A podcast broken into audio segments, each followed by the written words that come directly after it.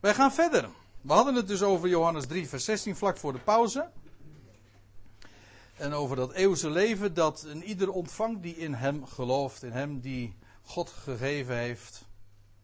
In hem die het bewijs is, ook is van Gods liefde. Opdat de wereld door hem behouden wordt.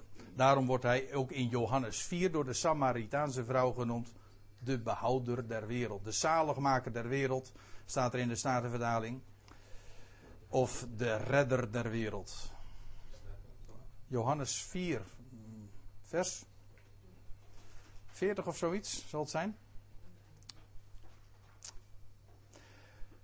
In elk geval, hij is dus niet alleen maar gezonden opdat de, opdat de wereld door hem behouden wordt, maar dat, is, dat gebeurt ook. Hij is ook de behouder der wereld. Maar daar ga ik verder nu, nu niet even over door. Het gaat me even over dat leven van de toekomende eeuw dat een ieder ontvangt die in hem gelooft. Dat wil zeggen, voor degenen die in Israël zijn. Van de volkeren hebben we gelezen. Daar wordt dat als criterium gesteld. Hoe zij zich hebben opgesteld ten opzichte van hun, het volk van Israël. De minste van zijn broeders. Maar dit wordt ook specifiek ook gezegd eh, in verband met Israël. En tegen deze leraar van Israël. En, fijn.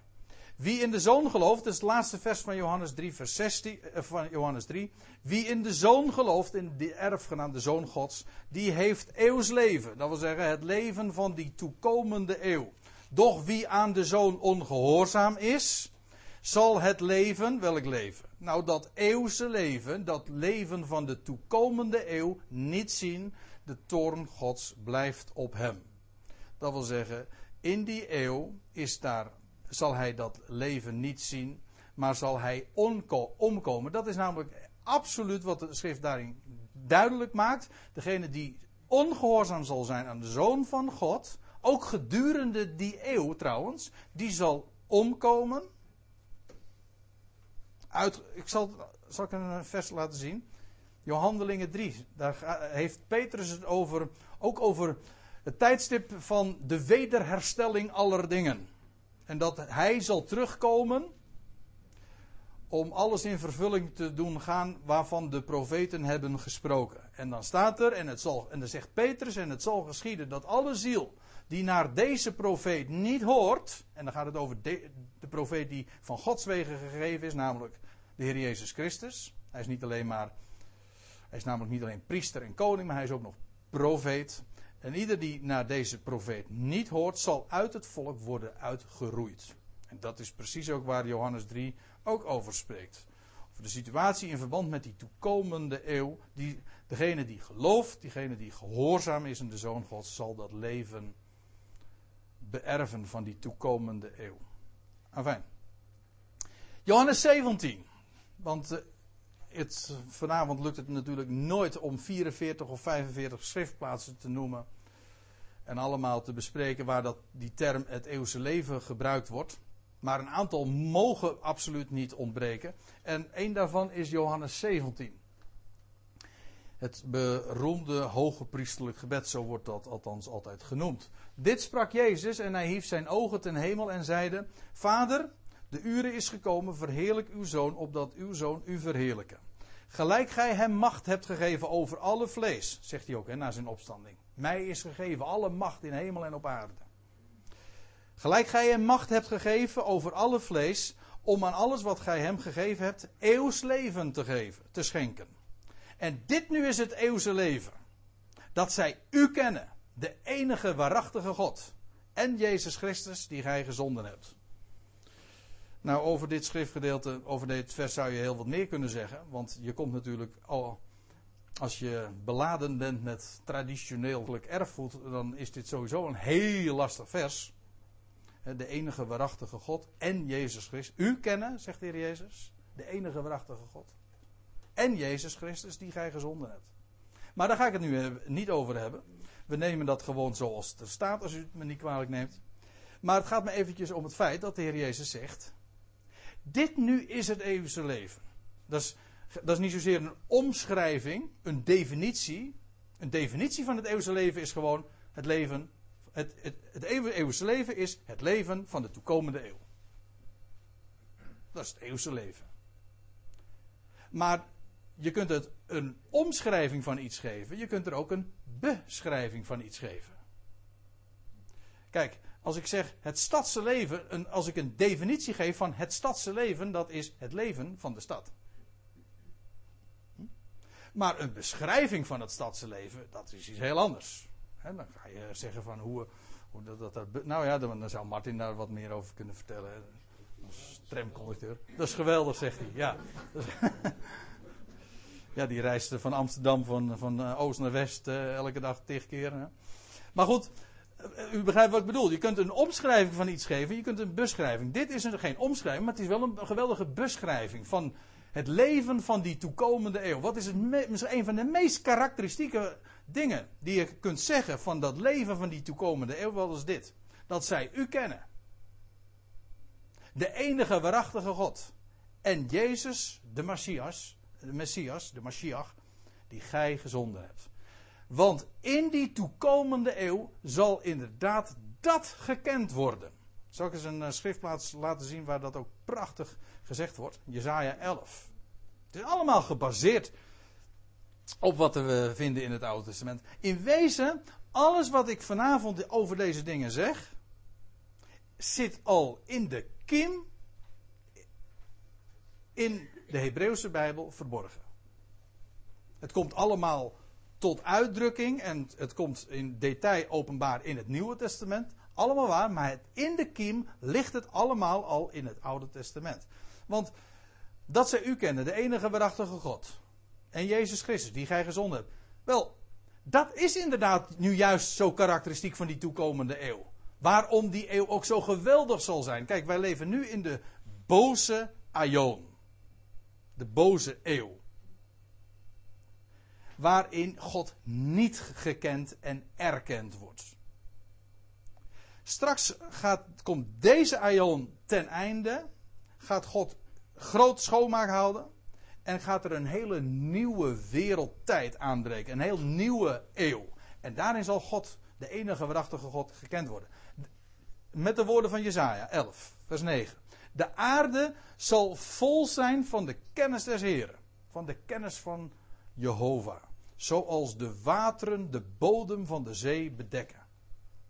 Zoveel. Het kennen van Hem, de enige waarachtige God. En let er dan nog op wat er in vers 10, staan, vers 10 staat.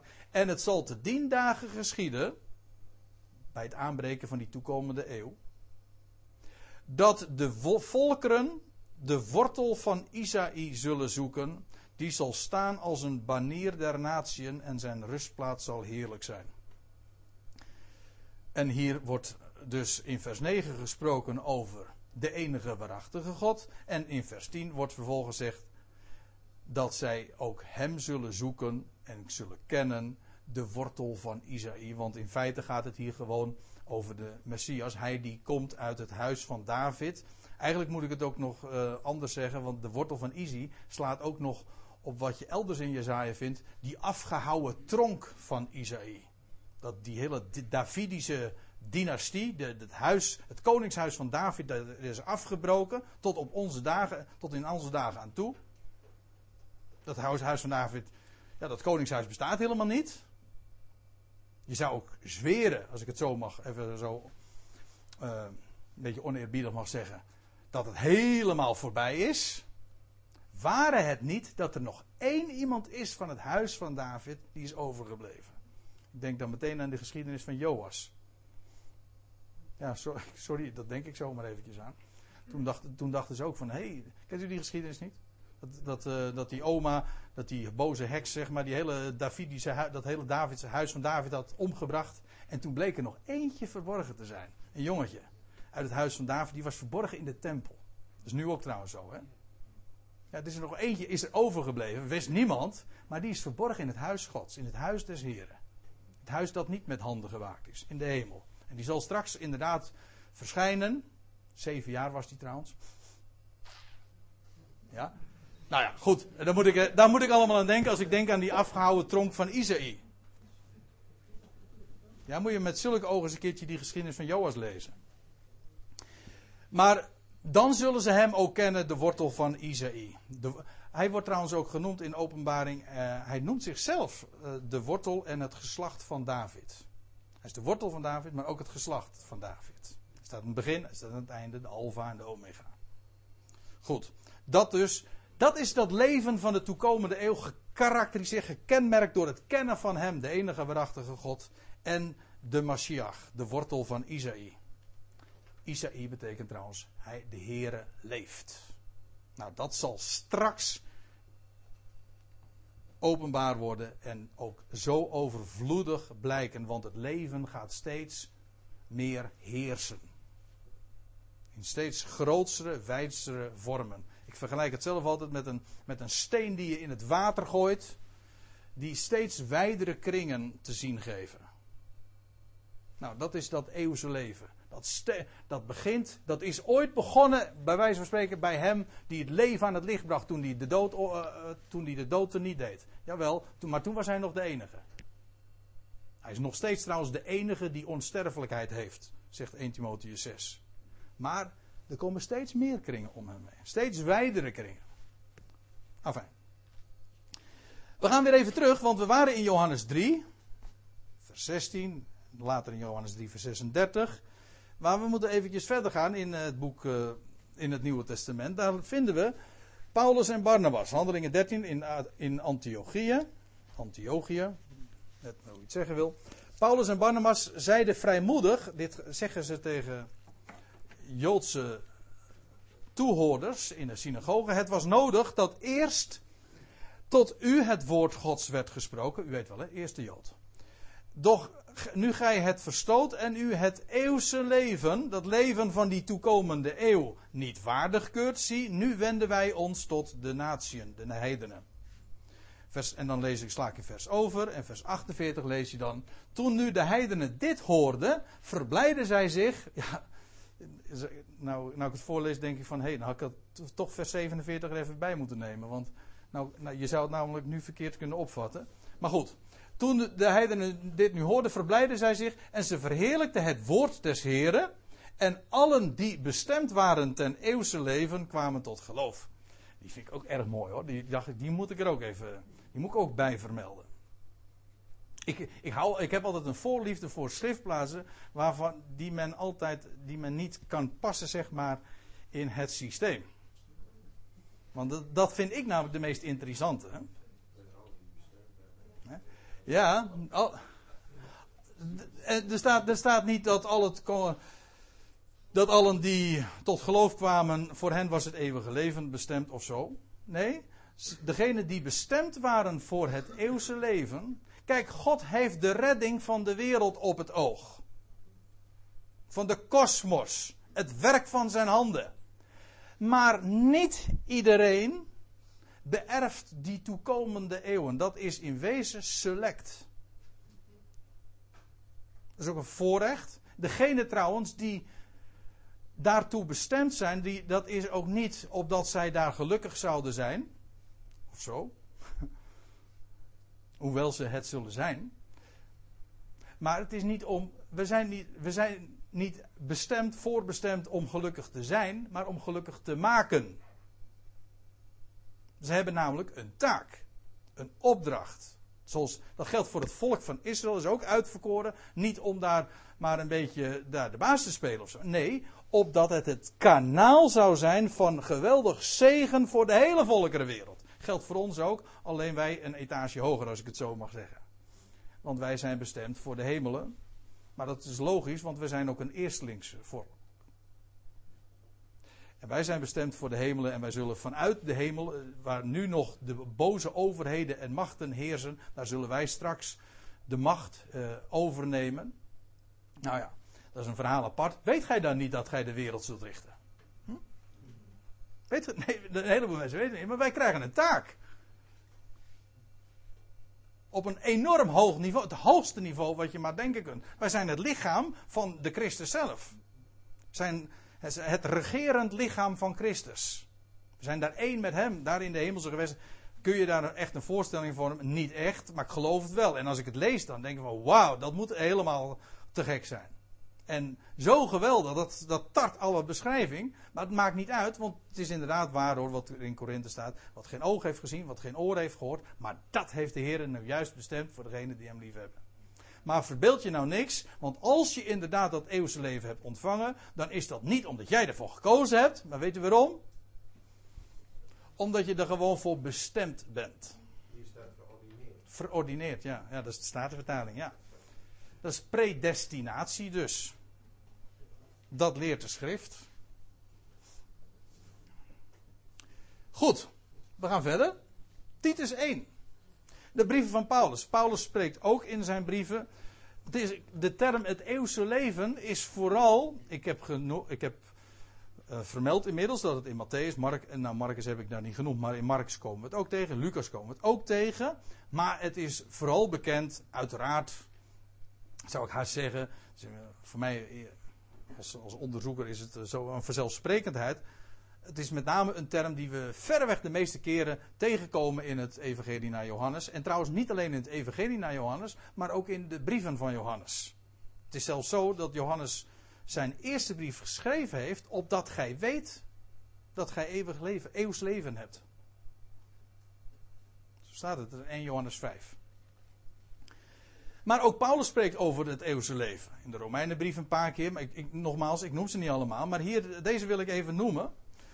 Uh, vooral ook omdat dit weer zo'n uh, een schriftplaats is die zo duidelijk laat zien hoe dat zit met dat eeuwse. Dat, moet je namelijk toch echt. Uh, dat moet scherp gesteld worden. Het is, ik leg daar ook het accent op vanavond. Omdat het grote misverstand is altijd van het eeuwige leven. Dat is het eindeloze leven. Dat kan allemaal waar zijn. Of dat kan bijna waar zijn. Maar zeg ik dan, dus is het fout. Als iets bijna waar is, dan is het niet waar. En dat het eeuwige leven, het eeuwse leven, is niet het eindeloze leven. Het is ook niet het leven van de onsterfelijkheid. Nogmaals, ik, ik, in de pauze hadden we er al even een gesprekje over. Voor degenen die nu in hem geloven. En die straks met hem, uh, hem tegemoet zullen gaan en in de, in de, in de toekomende eeuwen uh, een onvergankelijk lichaam hebben ontvangen. Kijk, wij zijn onsterfelijk. Voor ons is de, eh, voor ons die geloven in Hem, is dat eeuwse leven een leven in onsterfelijkheid. Want wij zijn inmiddels dan opgestaan uit de doden en hebben onvergankelijkheid aangedaan. Ik kom daar straks trouwens ook nog even op terug. Moet wel opschieten. Maar voor de volkeren hier op aarde, die hier gewoon in een sterfelijk lichaam uh, dit, die, die eeuw zullen binnengaan. En voor de generaties die nog zullen volgen, want er worden mensen geboren, gaan mensen dood, et cetera. Wel, is het helemaal geen leven van onsterfelijkheid. Je, je kunt niet een is gelijkteken zetten tussen eeuwsleven, dat is opstandingsleven. Of eeuwsleven, dat is leven waarbij uh, de dood, uh, geen, waar de dood geen grip meer op heeft. Dat kan wel zo zijn, maar dat is niet per definitie zo. Hou het gewoon simpel. Het eeuwse leven is het leven van de toekomende eeuw. Degenen die dan opgestaan zullen zijn, zullen inderdaad in, inmiddels onvergankelijk zijn. Maar degenen die hier op aarde in een sterfelijk lichaam, de volkeren in een, die dat in een, in een sterfelijk lichaam zijn binnengegaan, die zullen nog steeds inderdaad kunnen sterven. En sommigen zullen ook daadwerkelijk sterven. Dus dat zeg ik even ter benadrukking. Titus 1, vers 1. Paulus stelt zich voor. Een dienstknecht, of beter een slaaf van God, een apostel van, Christus, pardon, van Jezus Christus. Ja, Paulus, meestal schrijft hij Christus Jezus, maar hij schrijft wel eens een keertje Jezus Christus, zoals hier. Naar het geloof van de uitverkorene Gods. En de erkentenis van de waarheid die naar de godsvrucht is. In de hoop des eeuwigen levens. NBG, maar je zou zeggen dat het Statenvertaling is, want het is echt heel oud Nederlands in de hoop des eeuwigen levens, dat God die niet liegt, voor eeuwige tijden beloofd heeft. Laten we die nog eens eventjes scherp stellen. Wat hier staat. In deze plaats de hoop des eeuwigen levens. Dat betekent niet. Eh, die, dat is ook zo'n term die ook heel vaak. Nou, ik mag wel zeggen verkracht is. Want weet u wat, wat er vaak onder verstaan wordt? Zo wordt het nog wel eens in rouwadvertenties, zeker in bepaalde kringen ook gebruikt. Van. Uh, gestorven of ontslapen of gestorven in de hopen des eeuwige levens, dan zit daar altijd nog de klank in van, nou ja, de persoon hoopte het eeuwige leven te erven. Maar hij wist niet zeker. Hè? Zelfs met geloof. Er zit altijd die onzekerheid in. Het is hoop zou je gewoon moeten vervangen door verwachting. De verwachting van het eeuwige leven. Net als hetzelfde als het woordje geloof zou je eigenlijk ook moeten vervangen. Ja, als je zegt van ik geloof het wel. Ik geloof het wel dat hij er was. Dan weet je dus niet zeker. Maar geloven is vertrouwen. Geloven is het aannemen van. Je gelooft het of het gelooft het niet. Er is geen twijfel, dat is vertrouwen. Nou, in de hoop van het eeuwse leven. Dat wil zeggen, in de verwachting van dat leven van de toekomende eeuw. Dat is wat er staat. Dat God die niet ligt, prachtig hè? Dat God die niet ligt, voor eeuwige tijden beloofd heeft. Voor eeuwse tijden. Eeuwige tijden, ik weet niet wat je daaronder moet verstaan. Klopt. In de Statenvertaling staat tijden der eeuwen. En hier moet ik zeggen, de NBG-vertaling is beter, want het staat in de eeuwig staat is een bijvoeglijke vorm. Hè?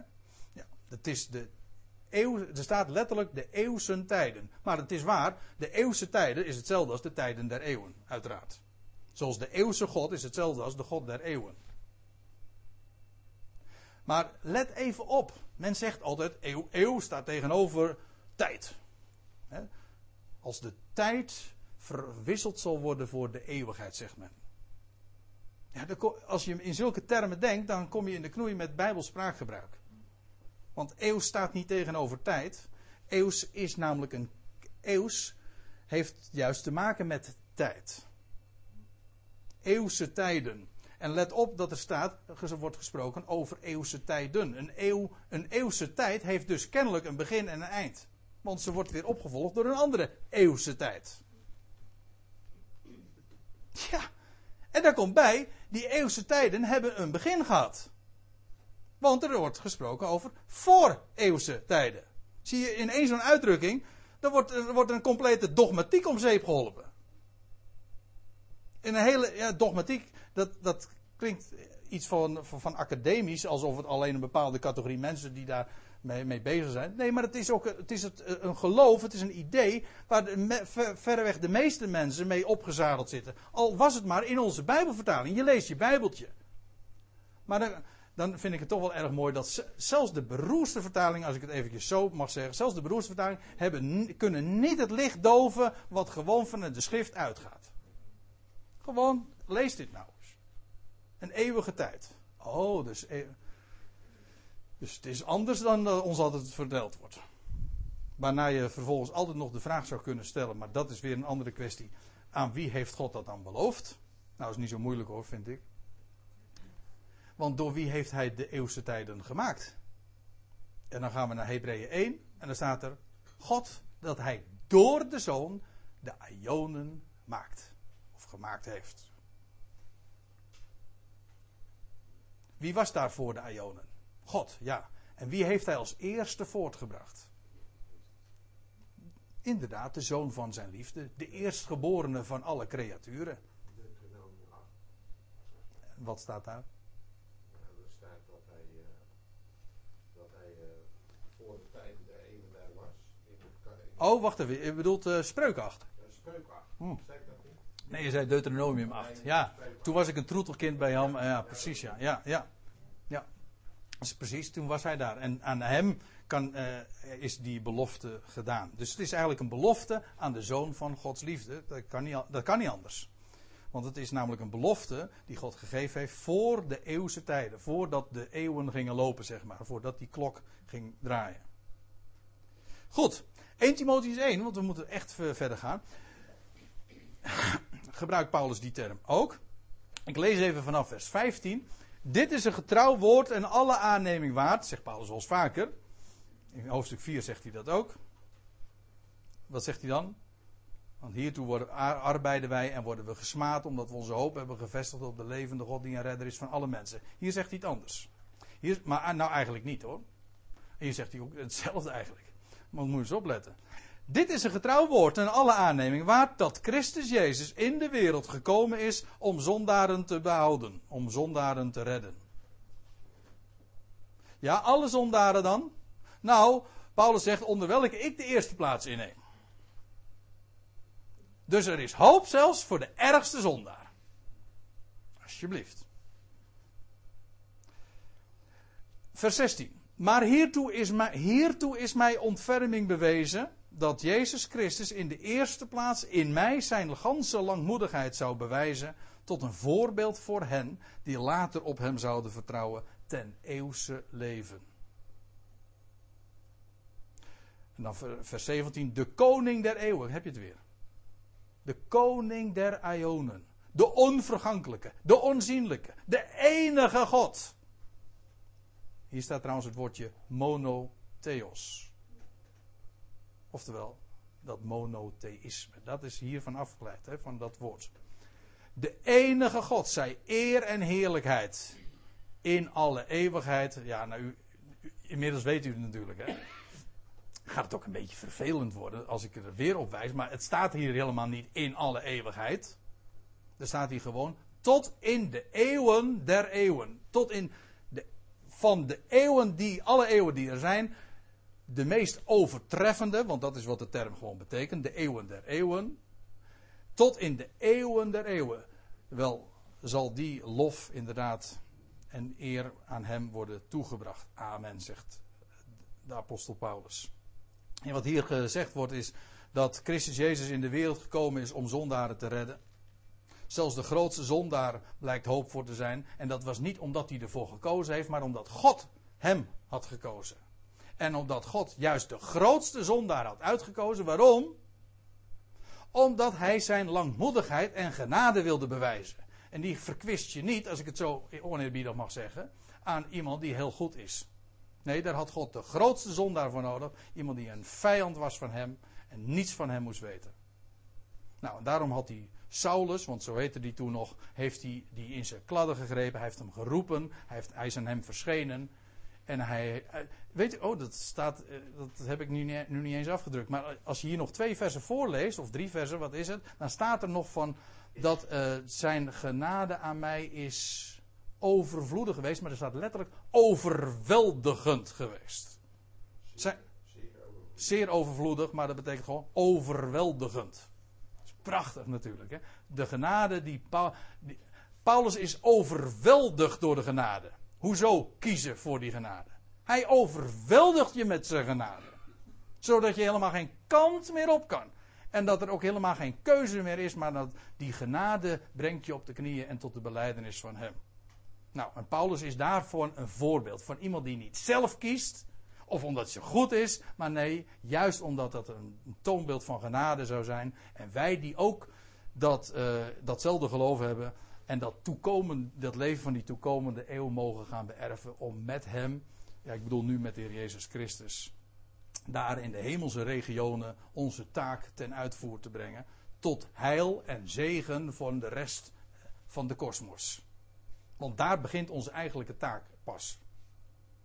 Daar zitten we dus niet op een harpje een beetje op een wolkje te spelen. Nee, daar begint onze taak.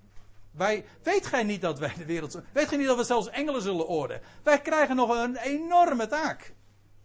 De zoon, ja, om, as, ter assistentie zeg maar ook van de taak van, uh, van de koning der koningen. Nou, dat is nu niet het onderwerp, maar het gaat er maar eventjes om. Dat is het leven van die toekomende eeuwen. Of in ieder geval van die toekomende eeuw. 1 Timotheus 6. Strijd de goede strijd van het geloof. Dat is niet zozeer omdat wij opgeroepen worden te strijden, maar het punt is dat als je, eh, moet u maar eens nalezen in Efeze 6, dat als je standvastig bent in dat evangelie, dan word je bestreden. En, dan, en daarom, als je staande wil blijven, dan moet je je, je wapenrusting aantrekken. Om staande te blijven namelijk. Niet omdat wij zozeer strijden, wij wel, nee, wij hebben gewoon het evangelie van de vrede. We, komen, we vertellen dat, we staan daarin. Maar dan zul je merken dat, je, dat niet iedereen uh, gunt dat je. Dat goede bericht.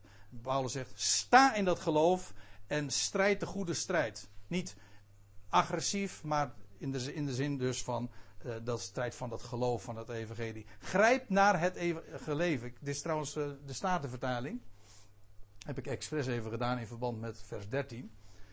Maar er staat: grijp het eeuwige leven tot het welk gij ook geroepen zijt. Of grijp dat eeuwige dat leven van die toekomende eeuw. Leg daar nu al je hand op. Maak het nu al tot je bezit.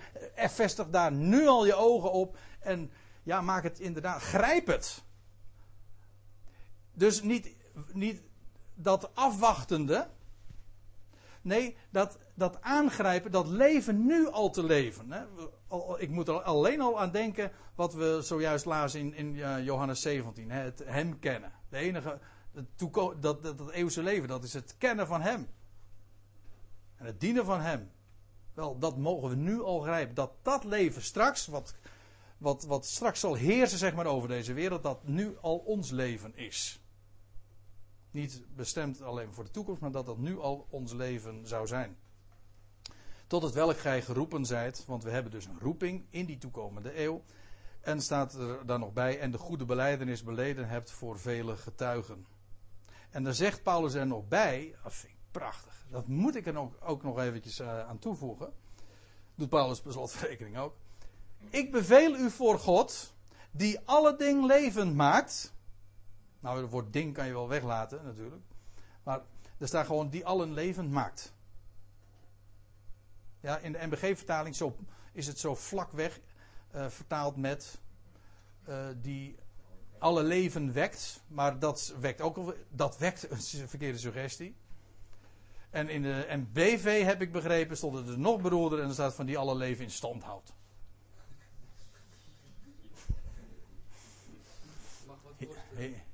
Het mag wel wat kosten.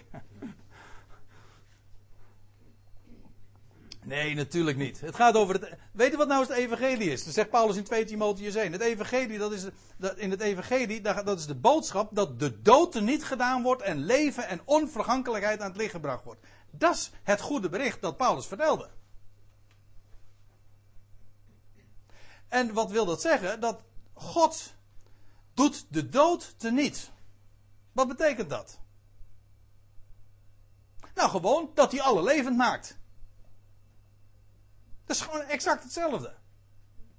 Hoe doe je de dood niet? Dat is maar één manier. En dat is alle levend maken. Dan is er namelijk geen dood meer. Simpel hè? Er wordt, er wordt zoveel over gesteggeld. Zo ingewikkeld en complex als het gemaakt is. Maar het is zo eenvoudig. Zo helder ook. Maar de, God is het. Want hij is God. Vraag me nou niet hoe hij het doet. Ik weet per ik heb, ik heb er geen flauw benul van. Hoe leven werkt. Hoe leven tot stand komt. Ja, u zegt van je weet toch hoe het zit met de honing en de bijtjes. Maar begrijp je er iets van? Nee, het begrijpen is mij te wonderbaar, zegt de psalmist. Daar begrijpen we helemaal niks van. Het is dat we het altijd meemaken. Hè, van een kind, uh, dat een kind uh, groot wordt in, in, de, in, de, in de buik van de moeder en dan ter wereld komt. En het is dat je het ziet. Maar dan zeggen we dat, dat kan gewoon niet. Het is absoluut. Dus zo wonderbaarlijk. Maar God doet dat. Zou, voor hem is niks te wonderlijk. Nou, en, maar, het, maar dan moet u zich voorstellen dat leven hier. Dat is eigenlijk alleen nog. Dat is niet het echte. Dat is alleen maar een demo-versie. Iemand uh, gebruikte die vergelijking, vond ik wel erg leuk. En heel goed. Dit leven is eigenlijk, als u een beetje vertrouwd bent met computertermen. Dit leven is hier gewoon een demo-versie. Met een demo-versie kun je heel weinig hè, op de computer. Je kunt het niet opslaan, je kunt het niet, uh, niet wegschrijven, je kunt, je kunt er verder eigenlijk niks mee. Je, kunt alleen, je krijgt alleen een beetje een indruk van hoe een programma werkt. En dan zie je op het internet een of ander programma.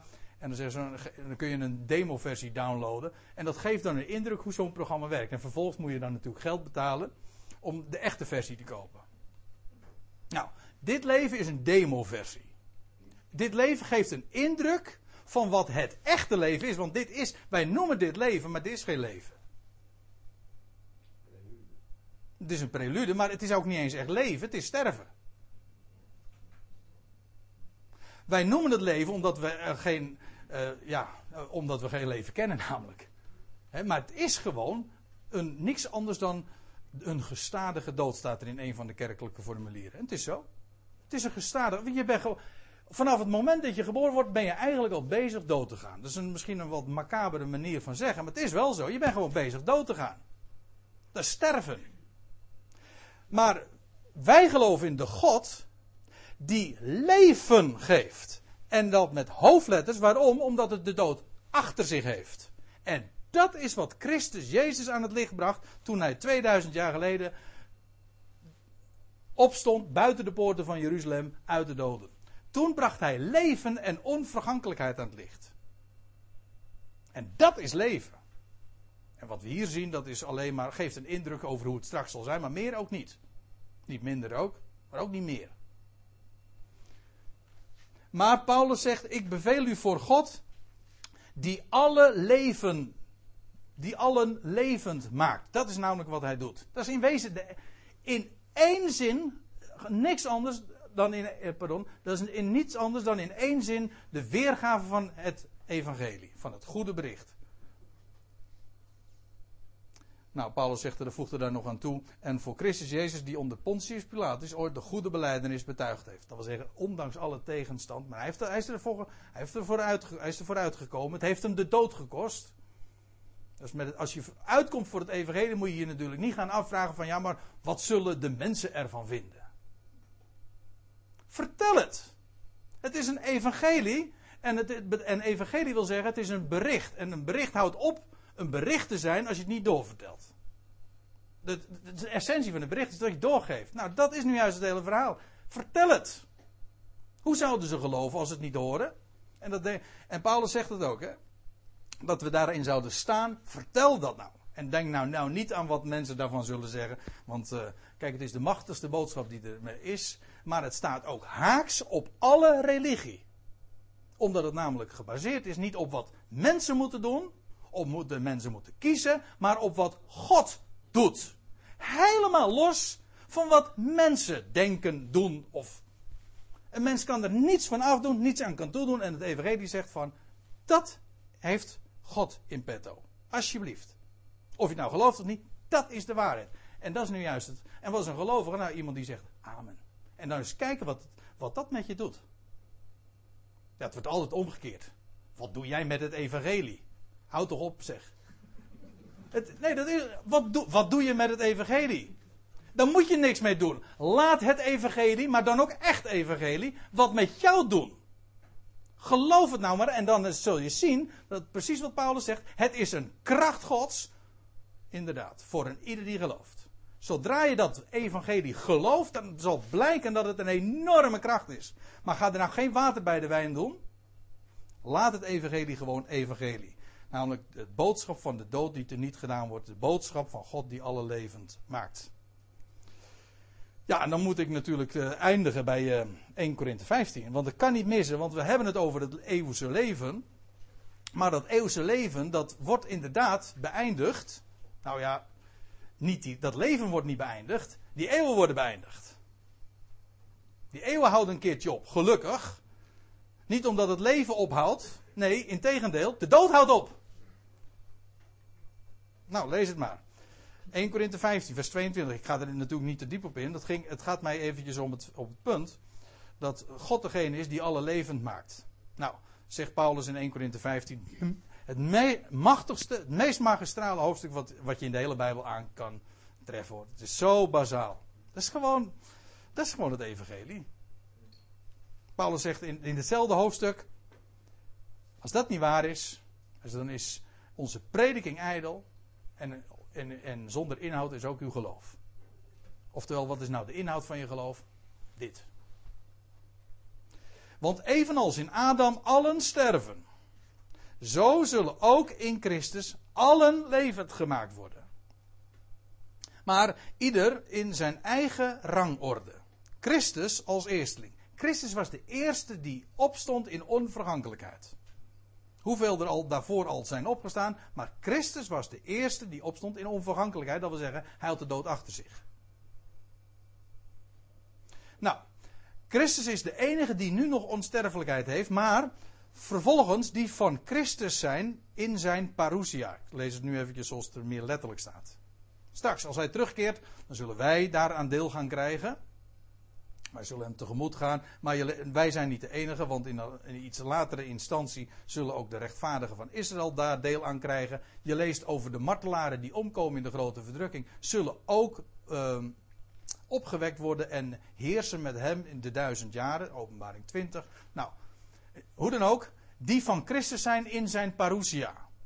Dat is de volgende etappe, die trouwens ook weer gefaseerd is, maar dat even terzijde. En daarna het einde, dat wil zeggen de laatste levendmaking, want dat is wat, eh, wat het onderwerp was, de rangorde van levendmakingen. Wanneer hij het koninkrijk, want dat is wat er letterlijk staat, aan God de Vader overdraagt, wanneer hij alle heerschappij, alle macht en kracht ontroond zal hebben. Want hij moet als koning heersen totdat hij al zijn vijanden onder zijn voeten gelegd heeft. De laatste vijand die ontroond wordt is de dood. Want alles heeft hij aan zijn voeten onderworpen. Maar wanneer hij zegt dat alles hem onderworpen is, is blijkbaar hij, God dus, uitgezonden die hem alles onderworpen heeft. Wanneer alles hem onderworpen is, dan zal ook de zoon zelf zich aan hem onderwerpen die hem alles onderworpen heeft. Opdat God zij alles in allen. En dan is inderdaad, wie zijn die allen hier? Nou, dat zijn de allen die in vers 22 genoemd werden. Namelijk allen die in Adam sterven. En God wordt uiteindelijk alles in allen mensen. Het ganse mensdom kan niet missen, want dat is namelijk wat God voornemens is. Niet gedurende de heerschappij van Christus, want Christus heerst inderdaad. Nou, laten we het eventjes op een rijtje zetten. Dat is tenslotte. Laten we het even kortweg op een rijtje zetten. Dan moet ik eh, nu echt afsluiten. De Bijbel, er is sprake van de aion van deze wereld. Er zijn al enkele aionen aan de huidige aion vooraf gegaan, spreekt, zegt de schrift. Maar er, is sprake van de aion van deze wereld. Vervolgens krijgen we de toekomende aionen. Spreekt de schrift over. Waarin Christus zal heersen. Christus zal heersen tot in die komende aionen. We hebben daar vanavond over gehad. Dat is het leven van die. Dat is dat eeuwse leven.